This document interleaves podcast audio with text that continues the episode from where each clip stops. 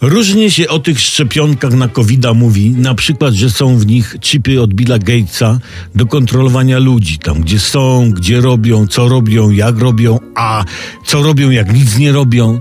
Słuchajcie, to są wierutne ploty wyssane z brudnego palucha niewiedzy.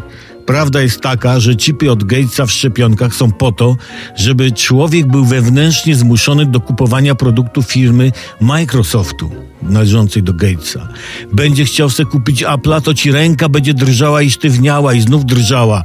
A podejdziesz do produktu Microsoftu, to rączki już będą chwytać produkt, już za niego płacić. I po to są te chipy w szczepionkach, a nie po to, żeby was kontrolować.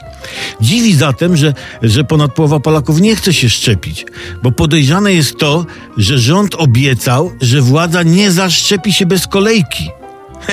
Proszę, jakie tchórze. Będzie władza na seniorach i medykach doświadczenia robić, bo te szczepionki są niedostatecznie przetestowane.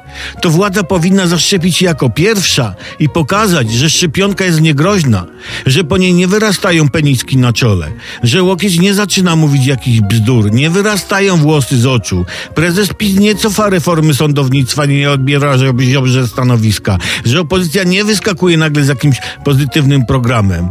Niech rząd politycy pokażą na sobie, że po szczepionce tego typu głupoty i wynaturzenia nie będą się działy. I po pół roku wtedy całe społeczeństwo no, da się zaszczepić.